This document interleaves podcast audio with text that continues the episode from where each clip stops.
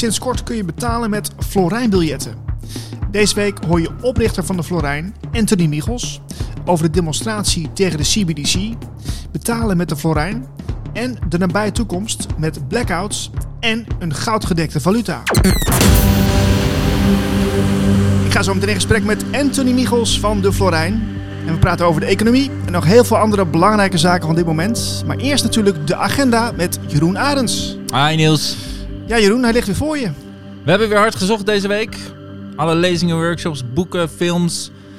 Hij staat een beetje in het teken van Valentijn, want uh, dat is natuurlijk uh, 14 februari. Ja. En uh, er is heel veel te doen rondom Valentijn. Te beginnen met speeddaten. Voor wakkeren, jawel. Is dat niet, is dat niet een beetje polariserend? Ja. Speeddaten voor wakkeren? Ja, eigenlijk wel. Hè. Ja, ja, het is uitsluiting van gevaccineerden. Ja, maar ja, veel mensen willen gewoon van tevoren weten dat ze... Die willen niet daten met gevaccineerde mensen. Dus ja, omdat uh, shedding is toch een ding. En uh, dat is, ja, ik snap het wel. Ja. En ja, je kunt het afwegen. Is het uitsluiting? Ja, eigenlijk wel, natuurlijk. Maar goed, het is nou eenmaal zoals het is. Er zijn uh, twee evenementen deze week voor speeddaten met niet-gevaccineerden. Uh, in Apeldoorn, 18 februari van 8 tot 10. Daarna is een dansfeest. Dat is voor 30 tot en met 45 jaar. Oh, daar mag ik ook gaan. Ja, nou. Wat leuk zeg. Ik zou, je bent weer single toch? Dus uh, ga, het is nog bij jou in de buurt ook nog, Apeldoorn. dus uh, gewoon doen zou ik zeggen. Nou ja, jeetje, oké. Okay. Ja, dus het, uh, het speeddate is voor 30 tot met 45 jaar. Daarna vanaf 10 uur is een dansfeest. Dat is vanaf 30 jaar tot 99 bij wijze van spreken. Daar hebben we ook nog een speeddate event in Hogeveen. Op 16 februari vanaf half acht 's avonds. Dus uh, dat is dan weer voor 40 plus. Ah, oké. Okay. Ja, dus nou, goed, uh, ben je single? Heb je zin in een date? Het is Valentijn. Waarom ook niet? Ook wel heel leuk dat het in Hogeveen is. Hè? Het is niet in, in, Amsterdam of Utrecht of zo. Nee, lekker in Hogeveen. Ja, waarom niet? Ja. Ik bedoel, hè, kom, een beetje wisselen. Het is altijd... Uh, nee joh. Oké, okay, we gaan door naar en dat vind ik dan wel zelf ook heel, heel interessant. De Tantrische Valentijnsworkshop voorstellen. Oké. Okay. Ja, Een uh, taboe onderwerp. Uh, mensen vinden dat lastig. Uh, heel veel mensen denken bij tantra meteen aan seks. En heel veel tantra-achtige zaken zijn ook eigenlijk meer een verbastering voor, voor, voor seksfeestjes. En, en, en, en excuus om maar met iedereen naar bed te gaan. Dat is zeker niet waar tantra oorspronkelijk om gaat. Deze workshop is voor partners om te verdiepen in je seksualiteit samen. Om die opnieuw te herontdekken bijvoorbeeld. Of intiemer te worden met elkaar op een veilige manier. Is het iets wat de laatste jaren wat meer opkomt, dit soort dingen? Ja, zeker wel. seksualiteit is toch echt wel belangrijk om, om bespreekbaar te maken. En ook gewoon heel belangrijk voor een gezonde relatie. Om dat op een veilige, open manier met elkaar te kunnen delen. Uh, dus daar gaat die workshop ook uh, over. Dat is in Gent met DT 11 februari. Vanaf 2 uur s middags tot 10 uur s avonds. 225 euro voor het koppel, dus Mm -hmm. echt wel een aanrader voor mensen die misschien een beetje vastzitten in hun seksualiteit, in hun relatie. Of dat gewoon willen verdiepen. Lijkt me een hele waardevolle uit, uitdaging. Ja. ja. afsluiten doen we met The Venus Project, de filmtip van deze week. Ik heb hem gezien. Fantastisch. Ja, ja. Jacques Fresco is een van mijn uh, inspiratoren geweest. Uh, lang geleden al. Die man is al 50, 60 jaar bij. Hij is nu overleden. Uh, is een bouwkundige ingenieur, futurist, visionair. Jacques Fresco. En heeft een concept ontwikkeld voor de nieuwe wereld. Hij zegt dat kunnen we nu al doen op basis van een op grondstoffen gebaseerde economie misschien iets waar je het met Anthony straks ook nog even kort over kunt hebben. Want het is wel heel boeiend. Ah, hij zegt, we hebben genoeg grondstoffen voor alles en iedereen. Het enige wat we hoeven doen is dat eerlijk te verdelen. En, en hij heeft hele mooie concepten voor hoe we dan kunnen bouwen, hoe we kunnen leven. Hoe we... Hij gelooft wel in technologie ook, dus, dus, maar dan in dienst van de mens. Dus het, zeg maar alle uh, saaie baantjes, alle, alle, het ophalen van die grondstoffen, verdelen, allemaal automatiseren. Ja. Met computers allemaal eerlijk verdelen. En dan uh, ja, ik daar er, verder gaan. Ik heb er wat van gezien. Het is best wel uh, futuristisch en uh, heel inspirerend ook. Hij was de tijd echt ver vooruit. In 1960, 70 begon hij al. En het is een, echt wel een aanrader voor mensen. Er is een, een man die heeft de eer gehad, Ivan Heers, om hem vlak voor zijn dood nog te interviewen. Dus het laatste interview met Jacques Fresco in 2017. echt een aanrader. The Venus Project, A World Worth Imagining. Oké, hey, en als mensen nou ook nog een eh, andere eh, filmtip hebben, eh, kunnen ze dat dan naar ons mailen? Zeker, boekentips, filmtips, eh, lezingen, workshops naar agenda.deanderekrant.nl. Super. Jeroen, dank voor je tijd en volgende week zijn we er weer. Alright. Eh, ik ga zo meteen verder met Anthony Michels over de Florijn en heel veel andere zaken over de economie. En eh, Jeroen, dankjewel. Graag gedaan. Dit is de Andere Agenda podcast. De Andere Agenda podcast. Dit is de Andere Agenda podcast. De enige agenda die jou wel dient. En deze week praat ik met oprichter van de Florijn, Anthony Michels, over de Florijn als betaalmiddel, de demonstratie tegen de CBDC en de nabije toekomst. Anthony, welkom in de show. Dag Niels, dank. Goed hier te zijn. Ja, we zijn eh, allebei een beetje half eh, ziek volgens mij, maar dat maakt niet uit. We, we zitten er toch. Ja, ja, ja, ja. De show must go on, zoals het heet, hè? Zo is het, hè? Eh, ik wil met jou drie dingen bespreken vandaag in deze uitzending. Eh, gisteren was jij in Amsterdam op de Dam. En eh er was een demonstratie tegen de CBDC. Dat wil ik maar zo met jou gaan behandelen. Eh Blackbox was er ook bij en die heeft jij ook nog ge- geïnterviewd. Eh, er is vrolijk nieuws, want je hebt eh, de Florijn in biljetten. Dat vind ik echt fantastisch. Die heb je ook meegenomen. Dus we gaan er ook even naar kijken zo. En jouw toekomstvisie over de economie. Eh, want ja, daar is van alles over te zeggen natuurlijk. Maar er zijn ook gewoon heel veel feiten ja, die ook al aantoonbaar zijn. Dus dat is heel, heel interessant. Maar we beginnen even met de actualiteit. Want gisteren was in Amsterdam op de Dam een demonstratie. Geen CBDC, geen programmeerbaar geld. En je hebt ook een speech gehouden, dus daar gaan we ook nog even naar luisteren. Een klein stukje. Ehm, maar even om te beginnen, wat vond je van die demonstratie? Ja, op zich positief natuurlijk, hè, dat er aandacht voor wordt gevraagd. Dus ehm, ja, nee, op zich hartstikke prima. En ook op de Dam, dus een mooie locatie natuurlijk om zoiets te doen. En ehm, ja, opkomst had wat mij betreft wel iets groter gemogen, zeg maar. Hè? Want eh, het was niet zo dat er 10.000 man stonden, terwijl het onderwerp dat zeker wettigt. Maar, maar goed, er is al een heleboel aandacht geweest voor de CBDC. En eh, ja, nee, maar ik vond het gewoon een hele positieve, fijne bijeenkomst. Eh, veel mensen gesproken ook. En eh, mensen zijn enthousiast over die biljetjes ook. Hè? Dus, eh, ja, ja. ja, het ziet er ook heel mooi uit, hè? ja, ja, ja, ja zeker, Ja. zeker. En ehm, ja, gewoon goed om met elkaar te spreken over van hoe gaan we om met deze situatie. Hè? Want kijk, dat CBDC-verhaal, dat gaat gewoon gebeuren. Dat, dat, dat gaan ze gewoon keihard naar binnen rijden. Dat hebben ze al van A tot Z uitgestippeld. En ehm, dan moeten wij dealen met die gevolgen daarvan, met die situatie. En eh, dat heeft alles te maken met ehm, minder afhankelijk worden van het systeem en het aanbieden van daadwerkelijke initiatieven. Dus daar heb ik het gisteren over gehad. En nu, waren er gisteren, eh, ik weet niet hoeveel mensen er precies waren hoor, maar ik, ga er zo vanuit een, aantal duizend, eh, pak een beet. Maar heb je nou het gevoel na zo'n dag, hè, nou, je hebt zo'n eh, speech gegeven, je bent al rondgelopen, dat je denkt van, nou, ik, ik, heb, ik denk, denk nou echt dat er wel een verandering aan zit te komen. Heb je, heb je dat gevoel een beetje gekregen na gisteren? Niet aan de hand van de demonstratie, maar er gaan wel veranderingen komen in de komende tijd. En dat heeft ook alles te maken met eh, het vervolg van wat we gaan zien in het financiële systeem. Maar daar gaan we het dan zo dadelijk nog even verder over hebben. Maar eh, dingen gaan anders lopen dan mensen nu misschien denken. Oké, oké. Ja, Nou, dat, dat- ja. ik, ik zou zeggen, luister nog even mee, want er komt nog meer. Ja, Eh, je, je hebt ge- gespeecht eh, gisteren en ik heb daar een fragmentje van. Gaan we even naar luisteren. En nu vertellen ze ons: You will own nothing.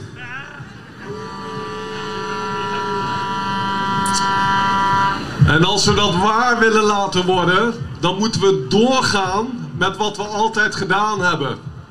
Want zij liggen op koers met hun plan en hun agenda.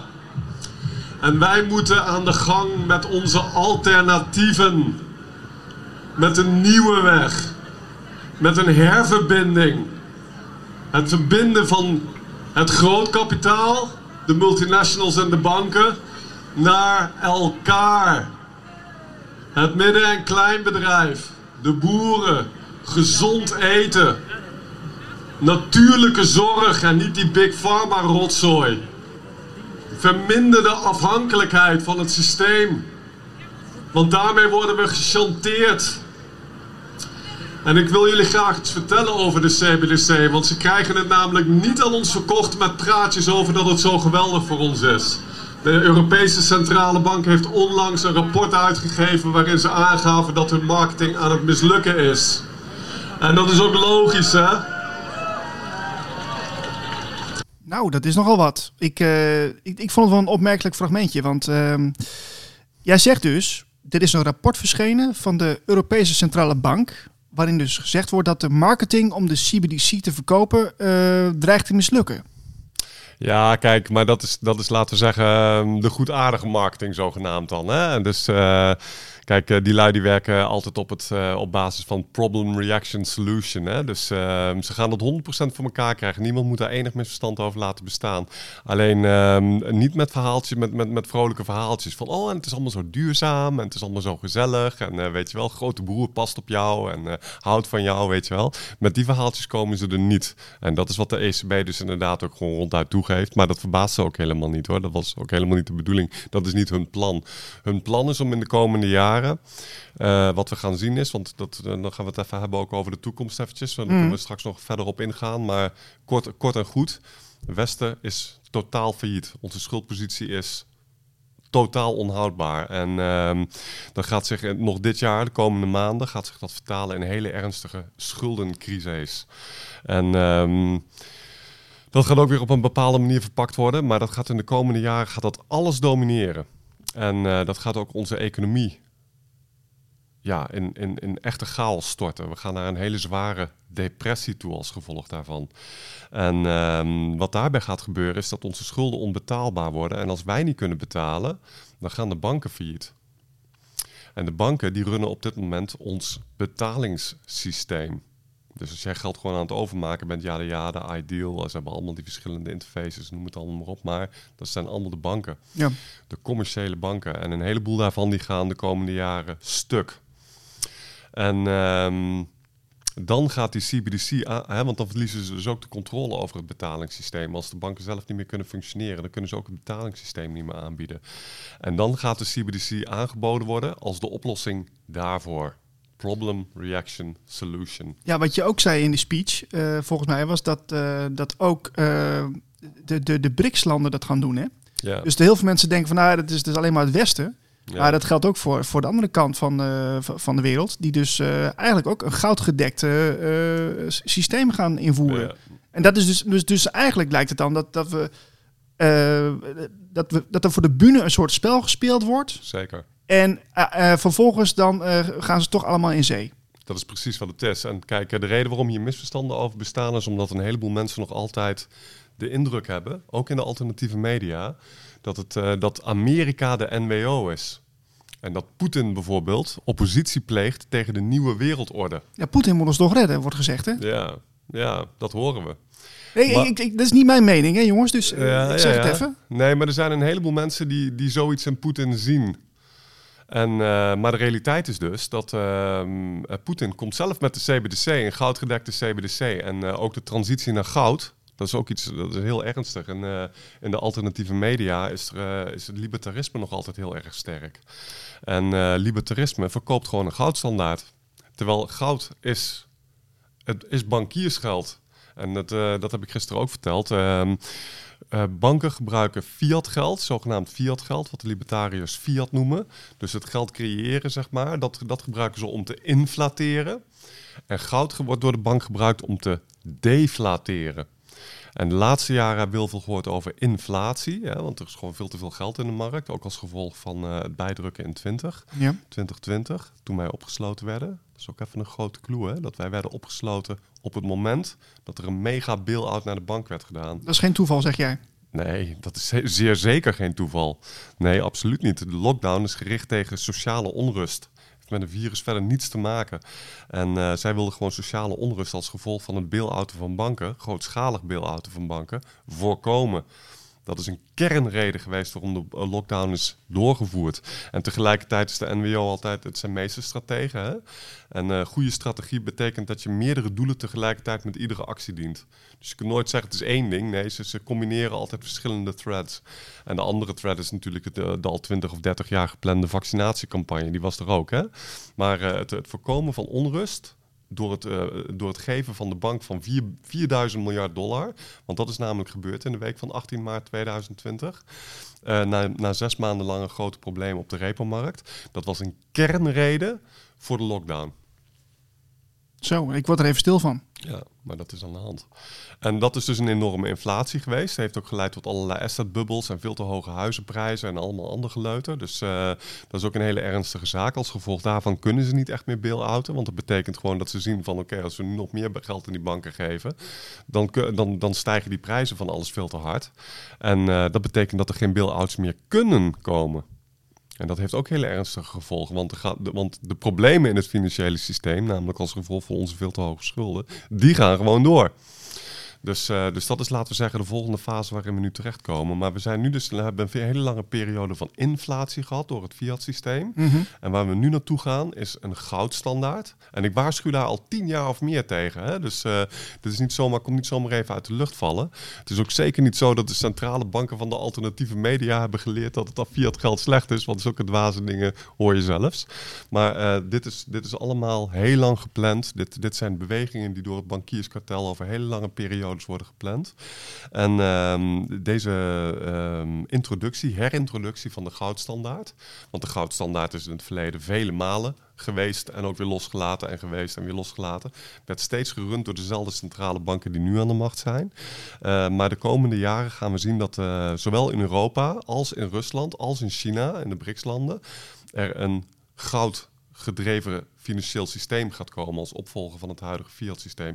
En in Rusland en China gaat dat een goudgedekte CBDC zijn. Die komende BRICS-munt, want die gaat komen dit jaar nog, um, um, die zal een goudgedekte CBDC zijn. Dus die gaat dit jaar nog komen, zeg jij? Ja, die gaat dit jaar nog komen. In augustus, uh, Lavrov heeft uh, vorige week of twee weken geleden aangekondigd dat ze in augustus samengekomen met de BRICS om te overleggen over um, een eigen BRICS-munt.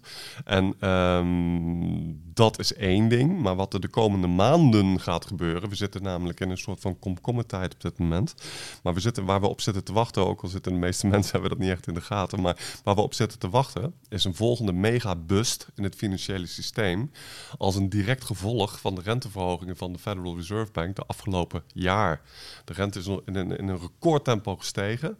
En dat gaat zonder enige twijfel, dat is gewoon een wet van mede en persen, gaat dat leiden tot een gigantische krach in het bankwezen. Ja, en, en wanneer verwacht je dat dan? Want, want uh, en, en, kunnen we dat ergens aan herkennen dat zoiets ge ge ja, gebeurt? Kijk, um, de eerste keer dat dit dus gebeurde, hè, want uh, dat was dus in 2008. Dat was de kredietcrisis. En wat er toen in werkelijkheid gebeurde, dus waren ook heel veel verhalen over derivaten en dergelijke. Dat is ook een heel belangrijke thread, dus ik, ik, ik, daar doe ik geen onrecht aan.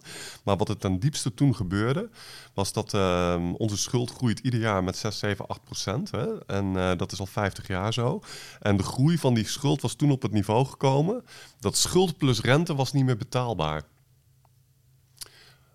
En toen hebben ze dus sindsdien de rente op 0% gehouden. Mm -hmm. We hebben in, de, in het Westen de ongelooflijke situatie gehad dat de rente al bijna 14, de 14 jaar op bijna nul heeft gestaan in het hele Westen. Ja. En um, dat deden ze omdat de rente, de, de, de, de schuld moest door blijven groeien. Want er zijn redenen waarom het geld moet groeien met 6 tot 8 procent per jaar. Um, en dat komt niet meer uit met een rentepercentage wat normaal is in het kapitalisme. Want als je kijkt naar de langjarige gemiddelde, dan is het 5 procent rente, is het langjarige gemiddelde in het kapitalisme. En um, vanaf dat moment is er dus 14 jaar 0% rente geweest om ervoor te zorgen dat de geldgroei door kon gaan. Want als de geldgroei namelijk stopt, dan komt er meteen deflatie. Dat is een heel ernstige, hele ernstige monetaire ziekte, is dat deflatie. Want dat creëert namelijk recessie en depressie. Dat is de oorzaak van recessie en depressie. Dat proberen ze dus steeds uit te stellen, dat moment. Ja, en, uh, precies. en, en kan, kan dat maar gewoon altijd maar doorgaan? Of? Nee, want dat is nu dus waar we tegenaan lopen. Hè? Dus uh, uh, die schulden die zijn toen door blijven groeien. Dus we hebben als gevolg daarvan kon het feestje nog een tijdje doorgaan, laten we Mhm. zeggen. Maar um, in september 2019 kwam er een nieuwe hit in het financiële systeem. Dat was de zogenaamde repo-crisis. En vanaf dat moment be begon het geld bijdrukken in de Verenigde Staten weer. En dat was een jaar of vijf, uh, had het stilgestaan, of uh, zelfs misschien nog iets langer. En ik had er al die jaren op zitten wachten. Dat klinkt misschien heel raar, maar ik, ik wist altijd dat de kredietcrisis terug zou komen. En dat op het moment dat het geld bijdrukken in de, in de Verenigde Staten zou herstarten, dat dan de hele boel chaotisch zou gaan worden. Want dat is namelijk voor mij, ik wist van dan gaat de, de finale opmars van de nieuwe wereldorde, het eindspel van de nieuwe wereldorde gaat beginnen. Ja, want de, de, dus, maar dan, dan is uh, de Verenigde Staten hebben, hebben dus wel een, een, een, een, centrale rol daarin. Ja, de Federal Reserve, hè? Lijkt mij. Ja, want uh, kijk, er zijn, er zijn dus drie wezenlijke threads wereldwijd gaande op dit moment, uh, waar, we, waar we middenin zitten. In de eerste plaats dat de schulden van het Westen nu dus op een kritisch niveau zijn gekomen. En het feit dat, we dat, dat, dat een kritisch niveau is geworden, dat blijkt uit het feit dat ze niet meer kunnen bail-outen om de reden die ik straks zei, namelijk dat het leidt tot stijgende prijzen. Dus ze kunnen niet meer bijdrukken om ervoor te zorgen dat die banken blijven drijven. Uh, want uh, ja, dan krijg je dus veel te hoge huizenprijzen, assetbubbels, allerlei stijgende prijzen in de economie. Dus, dus dat kunnen ze gewoon niet meer doen. En ehm, dat, is, dat, is, dat is dus het eerste mega feit geopolitiek. Mm -hmm. Het tweede geopolitieke feit is dat um, sinds 1945 is uh, Amerika de wereldwijde hegemon geweest. En uh, eigenlijk is de wereld gewoon geregeerd door Amerika.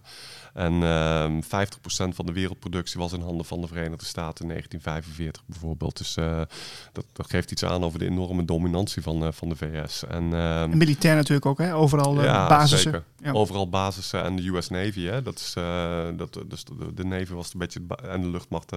het, hele, het hele militaire Spectrum, apparaat. Juist, ja. Dus, ehm, en Amerika regeerde gewoon de wereld ehm, samen met de echte NWO, want dat is het bankierskartel. Dat is niet Amerika, maar Amerika was de dominante natiestaat. Maar dat, die hegemonie zijn ze kwijt. En uh, het, westen, het hele Westen is namelijk al een eeuw heel erg in verval. Dat is ook iets wat mensen echt volstrekt onduidelijk is. Maar in 1900 was uh, 33% van de wereldbevolking was een westerling. Dus blank, zeg maar. Mhm. En nu is nog minder dan 10% van de wereldbevolking een westerling. Dus ons relatieve aandeel in de wereldbevolking is dramatisch gedaald. En dat heeft natuurlijk enorme gevolgen voor onze positie in de wereld. Ja. Dus, dat is een, dus dat is een langjarig verval is dat. Moeten wij bang zijn voor China, uh, Anthony? Uh, nou ja, kijk... Um...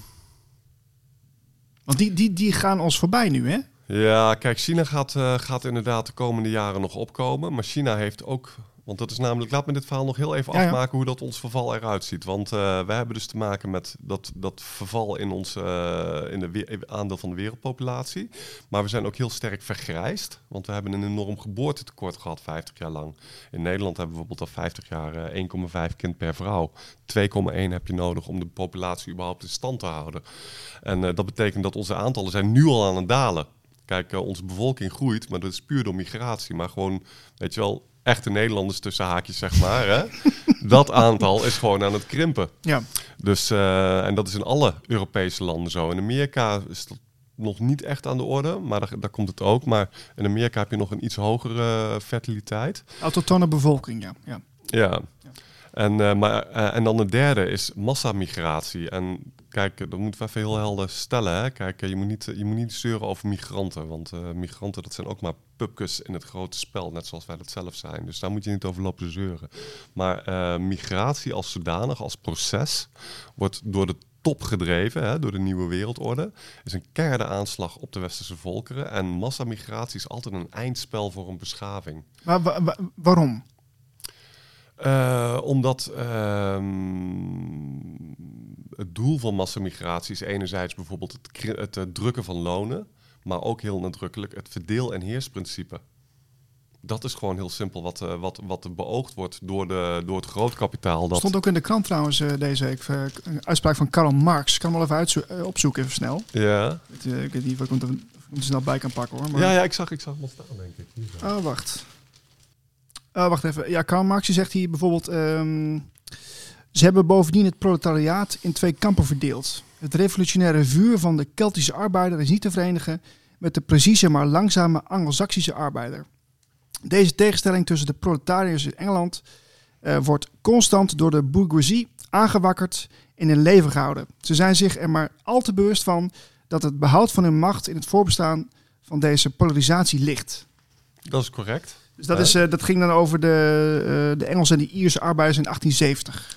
Ja, en dan, uh, dan, dan vervolgde hij zo met zijn verhaal van proletariaat, alle landen verenigt u. En, uh, want het marxisme pleit wel voor migratie en zegt van het enige wat er bestaat is klassenstrijd. Maar eh, dat, is, dat is gewoon een communistische fictie. Want eh, etniciteit bestaat namelijk zeer nadrukkelijk ook. Een volk heeft gewoon een identiteit die gebaseerd is op bloed. En ehm, eh, een mens wordt geboren in familie en heeft een extended familie. En een aantal extended families vormen samen een stam. En een aantal stammen vormen samen een natie. Dat, dat is hoe de menselijke make-up is. En ehm, daar, om, om daarmee te rotzooien. Eh, dat, dat, dat is een anti-menselijke attitude. En dat wordt dan verkocht met van... oh nee, maar we zijn allemaal mensen en we zijn allemaal gelijk. En dat is allemaal helemaal prima, weet je wel. Want ik ben echt pro alle mensen. Hè? Ook, ook bij de Florijn laat er geen misverstand over bestaan. Florijn is voor iedereen. Niet, niet, niet, niet voor Nederlanders. De Florijn is voor iedereen. En ehm, ehm, ik ben voor alle mensen in die zin. Maar het zomaar ruksigloos mixen van etniciteiten... zonder ook enige democratische eh, steun daarvoor... want er is, er is in het hele Westen in de laatste 50 jaar geen enkel referendum geweest over migratie, met uitzondering van Zwitserland. En daar hebben ze ook geen migratie. En ehm, in het hele Westen hebben ze die, eh, dat ehm, referendum weten te vermijden, want ze weten namelijk heel goed wat eruit komt. Dat willen mensen gewoon niet hebben. En dat is ook gewoon dodelijk. Een, een volk wat zich niet kan verweren tegen migratie is een volk wat zwaar in verval is. Dat is gewoon een historisch objectief gegeven. En, ehm, dat is, dit zijn dus de drie hoofdlijnen die jij nu even Ja. uitgediept hebt, wa- waarom het Westen in verval is. Dat is inderdaad waarom het Westen in verval is. En toen zei hij van, eh, maar worden we nu ingehaald door China? Eh, nou, China wordt, is inderdaad over de laatste decennia enorm opgebouwd. Maar wel door dezelfde figuren als die het Westen ooit hebben opgebouwd. Want we hebben gezien dat de Amerikaanse grote bedrijven hebben hun eh, manufacturing base, hè, dus hun fabrieken hebben ze verplaatst naar China toe. Dus dat doen ze niet voor niks natuurlijk. Oh, er is een verschuiving plaats. Ja, kijk, de laatste decennia is er een enorme verschuiving van Amerikaanse productie van, van Amerika naar eh, Mexico, maar vooral naar China geweest. En eh, dat heeft enorme gevolgen gehad voor de opkomst van China. Heeft geleid tot een enorm verval van de Verenigde Staten, ook van inkomen. Want in het hele Westen staan de lonen al 50 jaar stil. Hè? Dat is ook wel een rele- relevant iets. En ehm, in reële termen dan, hè? Ja, ja, ja. En ehm, dus eh, China is wel enorm in opkomst, maar tegelijkertijd heeft China eh 50 jaar lang al, eh, nou het is de laatste jaren gestopt, maar ze hebben 50 jaar lang één kind beleid gehad. En dat betekent dat in de komende 10, 20 jaar gaat China ook een, een hele verstrekkende demografische collaps meemaken. Dus eentje die wij in het Westen meemaken, maar ook uit China gaat dat zeker ook gebeuren. Maar waar, waar, wat wel gaat gebeuren nu, want eh, nu gaan we even terug naar het financiële verhaal. Ehm, er komt binnenkort een schuldencrisis in het Westen. En niemand weet precies wanneer, behalve de bankiers en God, zeg ik altijd. maar eh, ja. En, eh, maar ehm, eh, we weten wel dat die gaat komen. Maar denk je, denk je dat, dat, dat, dat dat zo gepland kan worden? Want Ja. dat, dat zit, er zitten toch heel veel schakeltjes tussen? Ja, maar als je AI hebt en je hebt inzicht in alle data. Maar hebben ze dat? Maar je, je- kijk, je hebt natuurlijk mensen aan het roer staan. Het is ook wel mensenwerk natuurlijk ergens. Hè? Dus je kunt wel zeggen van de, de macht eh, stuurt aan en al die partijen doen mee. Maar dan heb je ook daar nog mensen tussen zitten die met hun verstand eh, ja, aan het roer staan. Ja, maar dat zijn Maar geen die, die doen niet automatisch allemaal eh, wat, wat er gezegd wordt, toch? Of denk jij van dat ze allemaal ja en amen zeggen en dan gebeurt het? Kijk, ehm, hoe is het mogelijk dat wij 50 jaar lang in het Westen eh, een schuldgroei hebben van tussen de 6 en de 8 procent, terwijl de economie met 2, 3 procent groeit? Hoe is dat mogelijk? Al, ik, ik, kan dat nu hier niet laten zien, maar als je laten we zeggen gewoon dat voor je ogen krijgt, dan zie je dus exponentiële groei van die 6, 8 procent. En dan zie je daaronder een lijn lopen van, van BBP-groei, die, die, die veel trager is, Ja. zeg maar. Ja. En eh, die, die afstand tussen schuld en BBP, die neemt hysterisch toe over 50 jaar tijd. En ehm, het is nu zo dat de Verenigde Staten heeft een schuld van 90.000 miljard dollar. De totale schuld. Hè? Niet de staatsschuld, maar de totale schuld. Dus ook bedrijven en huishouden. In, in, in Europa, dat is, en terwijl ze een BBP hebben van 23 eh, biljoen. En dat betekent dus dat ze vier keer zoveel schuld hebben uitstaan nu... als dat ze... ehm, eh, inkomen hebben jaarlijks. En dat is in het, in, het hele Westen zo, ook in Europa. En dat was in eh 1970, 71, toen het fiat-systeem ingesteld werd, was dat absoluut niet zo. Toen hadden we een schuld, eh, totale schuld van misschien 1 bbp. En eh, dat is een dodelijke situatie. Heb jij daar ooit iemand over horen vertellen de laatste 50 jaar? Van dat het misschien eigenlijk niet zo'n verstandig idee is, zeg maar. En dat dat toch eigenlijk wel vrij verstrekkende gevolgen gaat krijgen voor onze toekomst als westerse beschaving zijnde? Ja, nee, nee maar, oké, maar dat, dat, dat klopt ook wel. Alleen eh, dat heeft te maken met dat mensen. eh, dat, dat, er niet te weinig, dat er gewoon te weinig bewustzijn op is op dat soort onderwerpen. En dat, dat de meeste mensen ook eigenlijk bezig zijn met zichzelf te redden. Ja, tuurlijk. Dat, is- en het, dat, is, dat is heel slecht. Ja, want wat, de meeste mensen hebben helemaal geen tijd om met dit soort onderwerpen bezig te gaan. Laat staan, Ja. dat, laat staan dat, het, dat, dat, dat die onderwerpen eh, worden aangeboden zodanig in de mainstream media. Ja, kijk, ik vind niet dat mensen te veel moeten verschuilen achter eh, dat ze maar onschuldige zieltjes zijn die met andere dingen bezig waren. Want we hebben wel degelijk verantwoordelijkheden als volwassenen. Maar ehm, in ieder geval is het zeer zeker zo dat we een bepaalde elite hebben.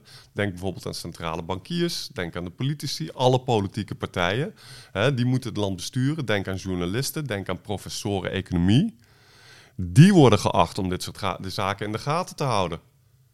En die hadden al heel lang aan de bel moeten trekken dat wij in een terminale trend zitten. Ja, maar dan is het dus ook gewoon heel veel eh, ja, eh, vriendjespolitiek en, en eh, elkaar een beetje pappernat houden. Het is heel simpel. Als jij dit verhaal als economieprofessor, journalist, centrale bankier, politicus gaat lopen rondbazuinen, of dat had gedaan de laatste decennia, en echt serieus aan de bel had getrokken, was dat gewoon einde carrière geweest. En dat is hoe het systeem werkt. We hebben dat gezien met de lockdown, hoe er werd omgegaan met artsen die de partijlijn niet trokken omtrent eh, corona en de, en de zogenaamde veilige en effectieve vax.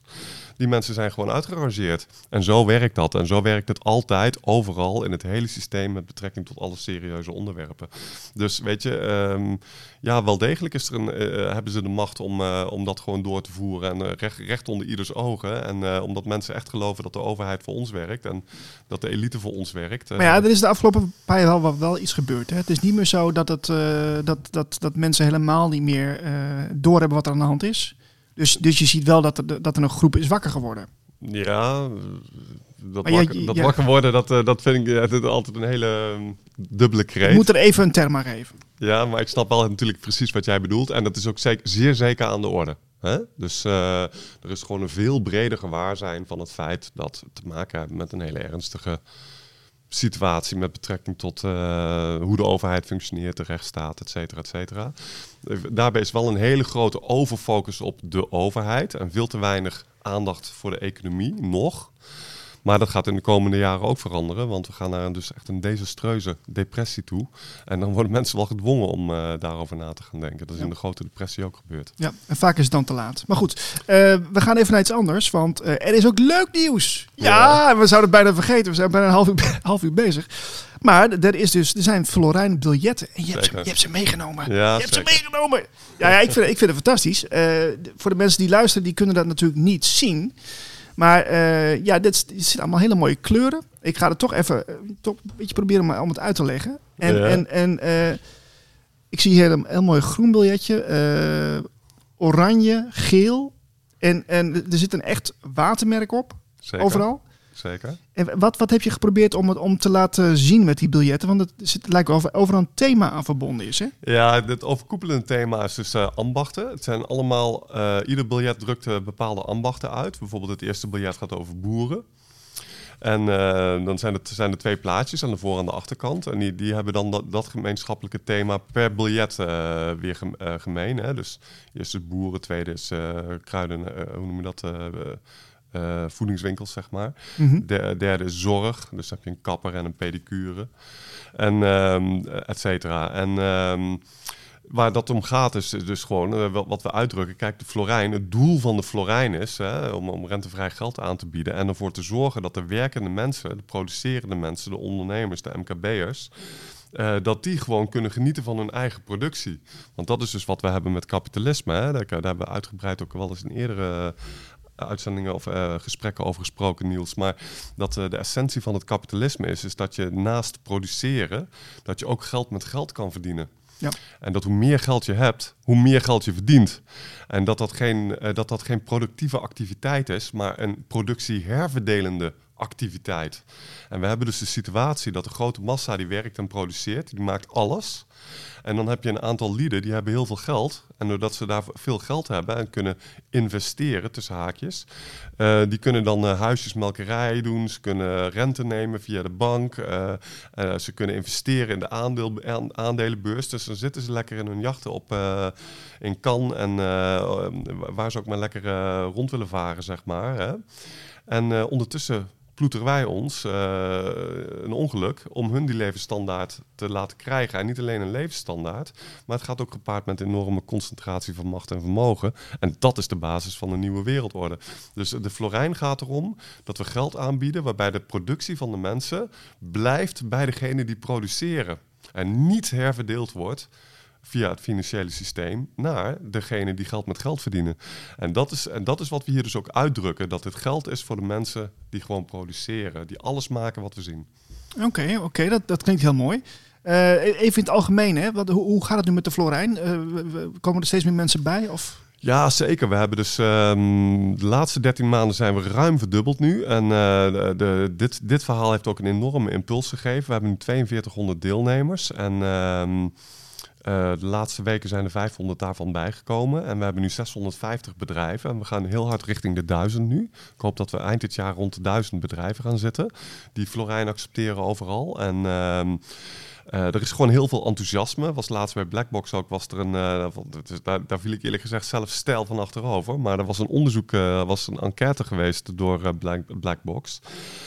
Waarbij ze ook gevraagd hadden aan mensen van... Ehm, zou je, eh, eh, in welke munten ben je geïnteresseerd om mee te gaan betalen die je nu nog niet gebruikt? En um, daar werden ook de, de, lokale munten werden daarbij genoemd, zoals bijvoorbeeld de Florijn en de Watermunt. En Florijn, 45% van de mensen gaven aan dat ze, dat ze geïnteresseerd waren om daarmee te gaan betalen. 45?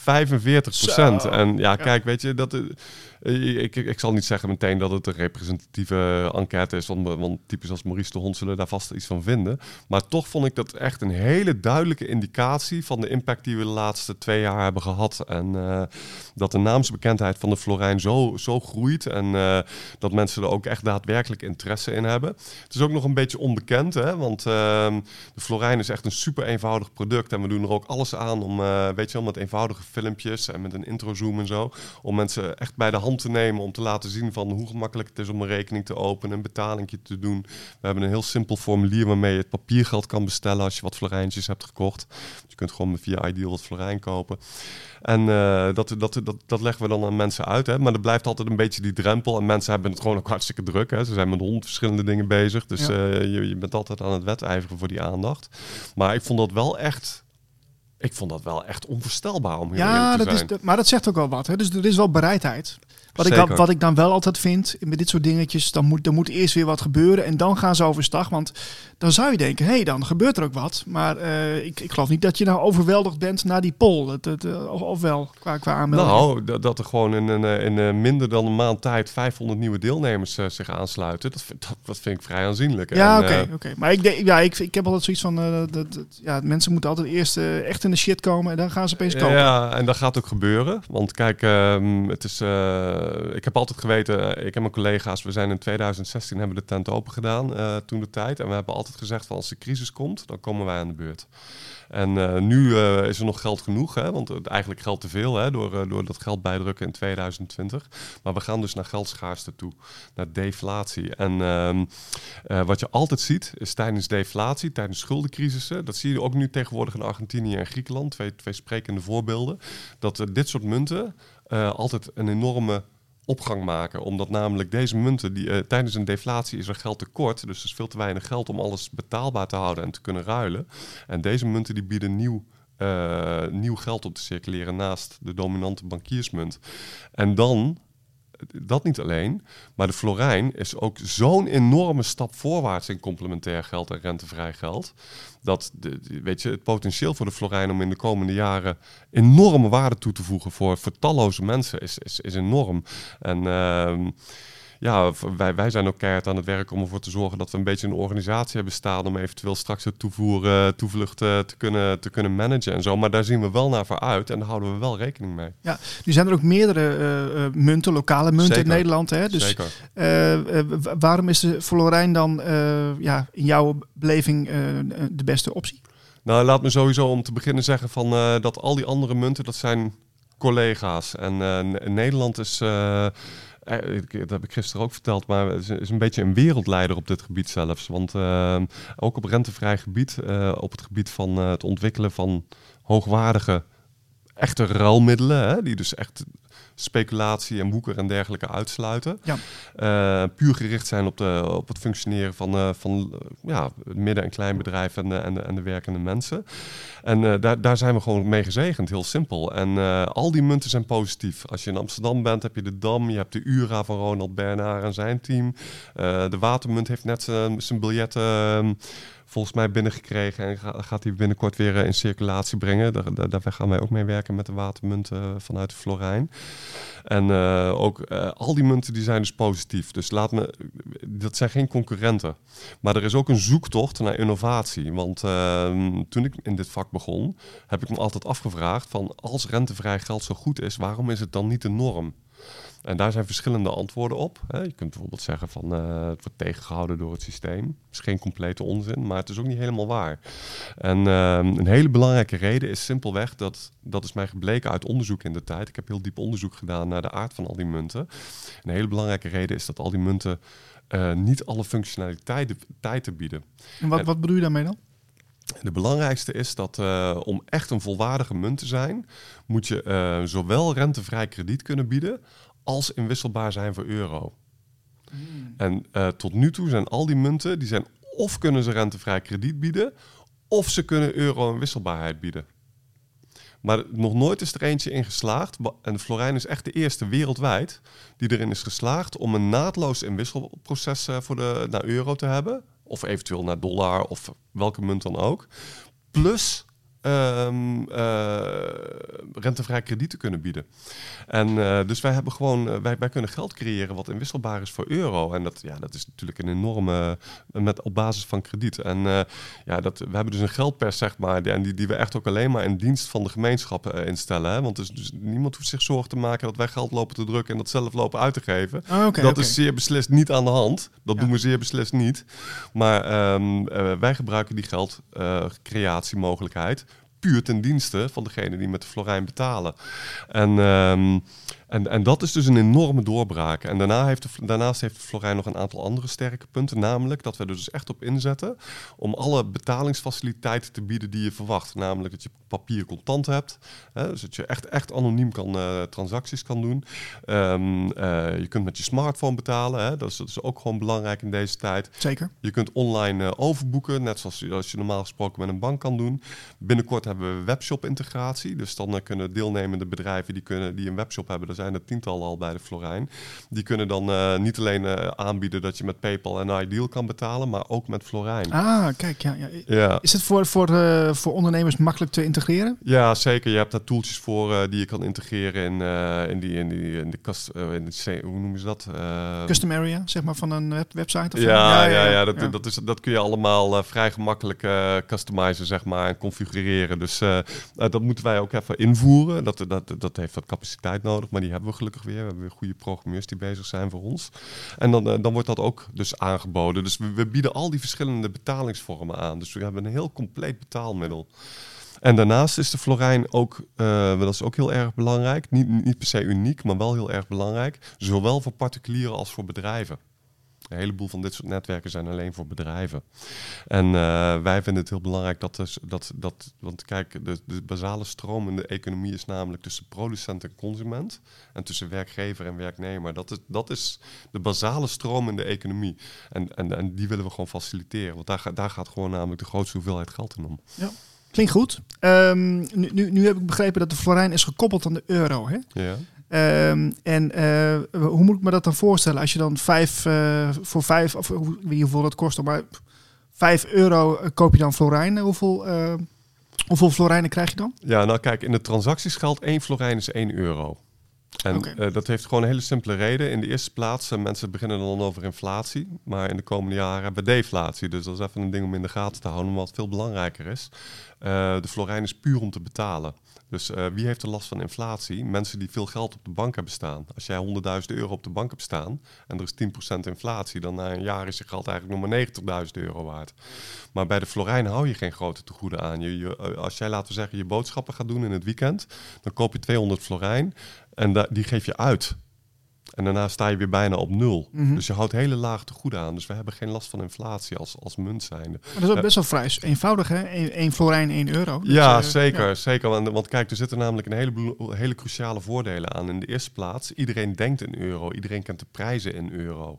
Alle, alle goederen zijn geprijsd in euro. Als ondernemers ermee te maken gaan krijgen dat een brood 3 euro kost, maar de ene dag 72 florijn, de volgende dag 5 florijn, de volgende dag 10 florijn, de volgende dag 1 florijn.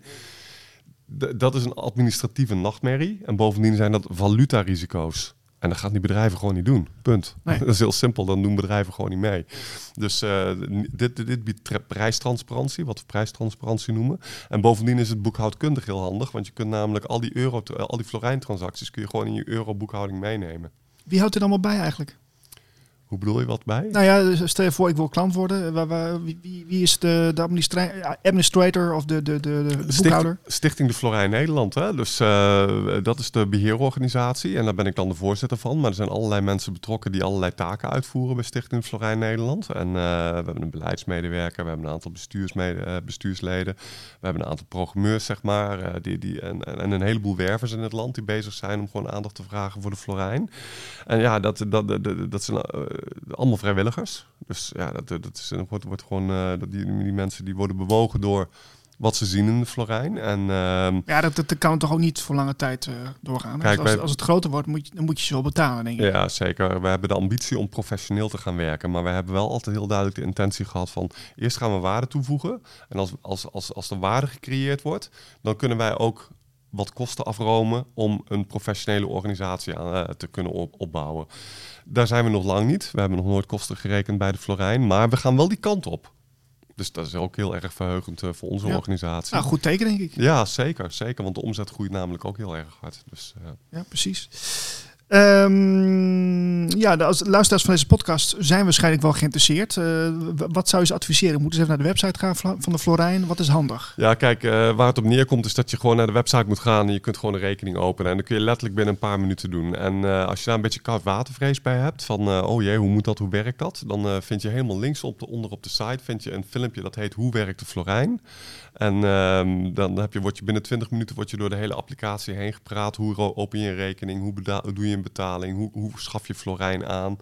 Eh, een ander filmpje laat je zien hoe je aan contanten kan komen. En je kunt ook naar onze intro-zoom komen. We hebben iedere eh, twee wekelijks hebben we maandagavond om half acht intro-zoom. Je kunt eh, aanmelden via de site, krijg je de link. En dan kun je gewoon meedoen met de introzoom. Kun je ook al je vragen stellen. Er zijn natuurlijk heel veel vragen altijd over de Florijn. Hè? Dus eh, die, die kun je dan kwijt. En eh, dan, dan, dan bespreken we ook de hele zaak, hoe het precies werkt. Zodat je echt voor ogen krijgt van, ja, het is eigenlijk kinderlijk eenvoudig, weet je wel. Iedere, iedere vrees voor drempel is, is onnodig, kan ik, je, kan ik je zeggen. Maar om dat echt te ervaren, moet je, moet je even dat filmpje kijken of naar de introzoom komen. Ja, precies. Oké. En dan, dan, ben ik toch benieuwd, want de, de Florijn is dus gekoppeld aan de euro. Ja. Maar eh, als de euro nou zometeen heel slecht gaat, dan heb je toch wel een probleem, denk ik. Ja, kijk, ehm, ehm, mensen vrezen voor inflatie, hè? want dat is ook een beetje de meme in de alternatieve media. Maar wat er aankomt is deflatie. En de ECB gaat ook in de komende jaren gedekt worden, eh, of de, de euro gaat gedekt worden door goud.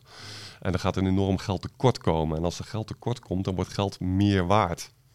En eh, dat is waar we naartoe gaan, niet naar inflatie. We gaan wel stijgende prijzen alsnog zien, maar dat, eh, dat noemen ze dan stagflatie. Hè? Dus dan is er minder geld, maar de prijzen stijgen.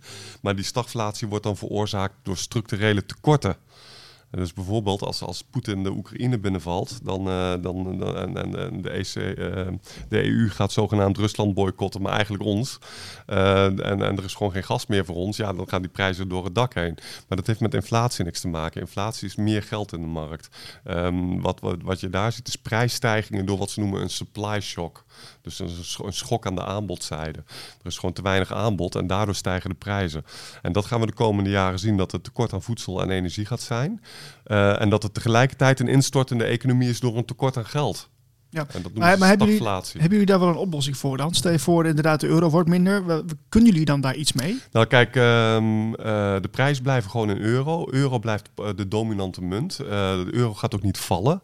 Dat verwacht ik in ieder geval niet. Natuurlijk hebben we daar wel een scenario voor, want het is heel simpel. Mocht het zo zijn dat eh, de euro zou vallen, dan stapt Nederland uit eh, de ECB hè, en eh, dan gaan ze de gulden hier weer invoeren. Nou, dan, moet, dan moet je hem maar zien. Nou nee, ze hebben een fallback plan en dat fallback plan heet Oh. Ne- Nederlands. Jij, weet meer dan ik. Eh, Oké. neem het jezelf niet kwalijk. Nee, nee, nee, maar ik, ik vind het wel interessant. Ja, nee, de, de, de, de Nederlandse bank heeft een fallback plan voor als de euro mocht vallen. En dat, dat fallback plan heet de Florijn. Dus dat is ook wel grappig. Dat is toch wel heel... Ja. En, eh, maar in ieder geval, eh, wat er dan gaat gebeuren is dat eh, ze voeren dan de gulden weer in. En dan zeggen ze op, dan zeggen ze maandag, maandagmiddag om 12 uur, dan wordt de gulden weer de betaalmiddel in Nederland. En vanaf dat moment zeggen ze van 1 gulden is 1 euro. Of eh 2 gulden is 1 euro. Ja, Maakt ja. niet uit. En dan gaan wij op basis van dezelfde koers op datzelfde moment over. En dan zeggen wij ook van 1 gulden is nu 1 florijn. Of 1 florijn is 1 gulden. En dan gaat het hele feest dus gewoon door. Dus wij, wij, wij, wij liften gewoon mee op dat fallback plan van de Nederlandse bank. Maar waar het om gaat is, de voordelen van eh 1 florijn is 1 euro eh, zijn veel groter dan de nadelen. Want eh, wij hebben geen last van inflatie, want we, hebben geen grote tegoeden. En en het allerbelangrijkste is dat de bedrijven precies weten wat een florijn waard is. Als ze dat niet weten, dan wordt het veel te onpraktisch en dan doen ze gewoon niet mee. Alright. Oh, interessant. Dit, eh, dit wist ik niet. Dus nieuwe informatie. Maar ik, Ja. ja. ik, ho- ik hoop dat de luisteraars er ook wat aan hebben. Ja. Ehm, even kijken, want ik, ik heb nog iets anders. We zitten dus in een gekke tijd. Hè? Want ik zie ook wel eens regelmatig op Twitter berichtjes eh, voorbij komen. Uh, dat gaat er over blackouts. Hè? Ja. Dat is, dat is een stroomstoring of die ING heeft weer een, een of andere storing. Ehm, zijn die blackouts volgens jou gelinkt aan de, zeg maar de ineenstorting van, de, van het financiële systeem? Jazeker. Kun- Jazeker. Kun je er wat over delen, hoe jij daarnaar kijkt? Nou ja, kijk, eh, er zijn allerlei zaken die daar gewoon eh, heel belangrijk bij zijn. In de eerste plaats is de WEF. Hè. De, de WEF heeft doorgaand aangekondigd dat er cyberattacks gaan komen. Dat, de, dus die, die, die, die lui, je kunt zeggen van ze kletsen een hoop, maar ze, hebben dat, eh, ze, ze zijn, komen daar doorgaand mee. Ze hebben er ook scenario's voor gedaan. Eh, ze hebben bijvoorbeeld een aantal jaar geleden hebben ze een scenario gerund. Of laat ik het nog eventjes, eh, laat ik eerst nog even dit erbij zeggen. Ehm, de bazen van de centrale banken in Europa en Amerika, dus Jerome Powell en eh, Christine Lagarde, die hebben allebei gezegd dat ze geen financiële crisis aan zien komen. Wat, wat waanzinnig is. Dat is, dat is, dat is echt. Dat, dat, we zijn, En De NOS trouwens ook niet, hè? de, de NOS ziet dat ook niet aankomen. Nee, daar kunnen we het over eens zijn. Maar dat, maar dat de ECB en de, dat de bazen van de ECB en de Federal Reserve Bank met, met de schuldenpositie van het Westen dat, dat durven te zeggen. Kijk, we hebben heel veel gehoord over gaslighting de laatste jaren hè, in het kader van, eh, van dat coronageneuzel. Nou, maar dit, dit, hier zakt echt mijn broek van af gewoon. Dit, dit, is, dit, en en dat, dat ze onuitgedaagd dit gewoon uit hun strot kunnen krijgen, om het maar even heel netjes te zeggen. Dat, dat is echt mind-boggling gewoon. Want dat er een financiële crisis volop al gaande is. Eerst door, het, eh, door de repo-crisis, eerst door de kredietcrisis, toen de lage rente, toen de, de, bijdrukken in 20. En nu aanstaande een deflationaire schok als gevolg van de renteverhogingen. Dat is gewoon compleet helder. Maar, zeggen zij, wij zien geen aan financiële crisis aankomen. Maar wat we wel een hele ernstige bedreiging voor het financiële systeem vinden, is cyberattacks. Ah, ja, ja, ja, ja, ja. Dat is wat ze zeggen. Maar ja, goed, de- de- ik kan me voorstellen, zo'n nieuw systeem, dat, dat moet draaien. Eh, elektriciteit is daarbij eh, van toepassing, uiteraard. Dus als je, als je op een of andere manier dat eh, kunt resetten of kunt, kunt ehm, expres kunt laten klappen en dan daarna weer iets nieuws kan starten. Ja, ik, ik weet niet, ik zit een beetje in die eh, richting te denken, maar Nou ja, kijk, dat hele verhaal van storen. Kijk, die cyberattacks, dat is meer iets van de laatste jaren. Want dan zal ik nog even dat verhaal over de WEF afmaken. Want die hebben dus een paar jaar geleden het scenario gedaan. En eh, dat was een heel interessant scenario. Want ehm, eh, de resultaten van het scenario waren dat... eh, de Amerikaanse grootbanken. Dan heb je, en dan praat je echt gewoon over eh, Citigroup, Goldman Sachs, JP Morgan. Dus de echte absolute top viper, viperbanks eh, in, de, in de Verenigde Staten. Ehm, top aasgieren, zeg maar. Die, ehm, die moeten gaan fuseren om de cyberattacks af te slaan. Dat is wat, een, wat voorspeld werd als een uitkomst van die zogenaamde cyberattacks. Zo. En ehm, eh, bovendien zou Rusland zou met zijn eigen CBDC komen. Om ehm, ja, zich te beschermen zogenaamd tegen Ja, de ja. cyberattacks. Maar we weten Ja. al dat ze met een CBDC gaan komen. Want ze moeten zich namelijk beschermen tegen de sancties van de petrodollar, et cetera. Dus, eh, dus dat gaat sowieso gebeuren. Maar, maar kijk, maar het wordt dus geframed als cyberattacks. En ehm, wat er echt aan de hand is, is dat ze gewoon failliet zijn. Want banken die fuseren, dat doen ze omdat ze naar de kloten zijn. En of, of omdat ze een verdere consolidatie aan het doorvoeren zijn. En wat er gaat gebeuren is dat ehm, er gaan bail-ins komen. Een paar maanden geleden is er een, eh, een filmpje uitgelekt van de, de FDIC. Dat is eh, de, de club die het depositogarantiestelsel in de Verenigde Staten runt. En eh, dat filmpje ging, zij zeiden ze gewoon van, ja, nee, de banken zijn instabiel en ze gaan vallen. En er gaan bail-ins komen. Maar ja, dat willen we niet dat het grote publiek dat al te horen krijgt. Nee, nee, nee, nee. nee. Dus er wordt, er wordt heel veel geld wordt weer er- er afgehaald dus. Ja, en dan ga je zien dat, ki- kijk, als jij, als jij 10.000 op de bank hebt staan, dan zal het wel loslopen. Maar als jij 100.000 of meer op, de, op de bank hebt staan, ja, dat, is- dat geld staat er absoluut gewoon totaal niet veilig. Gaan ze gewoon inpikken. En dan gaan ze gebruiken om de zwarte gaten, die banken hun balans noemen, om die te vullen en te stutten. En, eh, dan, ko- dan komen ze dan niet meer weg. Dan, eh, dan, heb, dan, dan, dan, dus stel je voor, ik heb eh, een paar honderdduizend op de bank dan, en er wordt gewoon, gewoon er vanaf gehaald. En dan, dan, dan, gaan ze ervan uit dat mensen daar gewoon maar pikken. het is heel moeilijk te bevatten, maar dit is wat ze gaan doen. Ze hebben al die wetgeving hebben ze klaargezet daarvoor. Maar dan heb je toch de hele bevolking tegen je. We hebben het al gezien in Libanon. Dat is een hele belangrijke testcase. Eh, in Libanon heb je de laatste tijd affaires, affaires gehad dat mensen niet het geld op konden nemen. Eerst heb je het gezien in 2014 in Cyprus. Dat was de eerste bail-in. En eh, wat, hoe dat daar liep was, eh, dat je kon gewoon 100 euro per week pinnen voor de boodschappen. Ja, dat, dat, dat is wat, dat wat was D66 ook wil, hè? ja, onze vriendin Kaag. Ja, dat is nog een controle dan, maar goed. En in Libanon heb je dat de laatste jaar heb je dat gehad. Mensen konden gewoon niet bij hun spaargeld. Ze konden een klein beetje geld voor de boodschappen halen, maar dat was het dan ook. Je hebt daar zelfs de situatie gehad dat mensen banken hebben overvallen om hun eigen geld op te nemen. Tjonge. En nu, en nu, wat er net gebeurd is in Libanon, is dat ehm, de, de munt daar 90% gedevalueerd is. Dus, eh, maar, maar, dat, maar dat is dus wat er gaat gebeuren. De banken zijn failliet.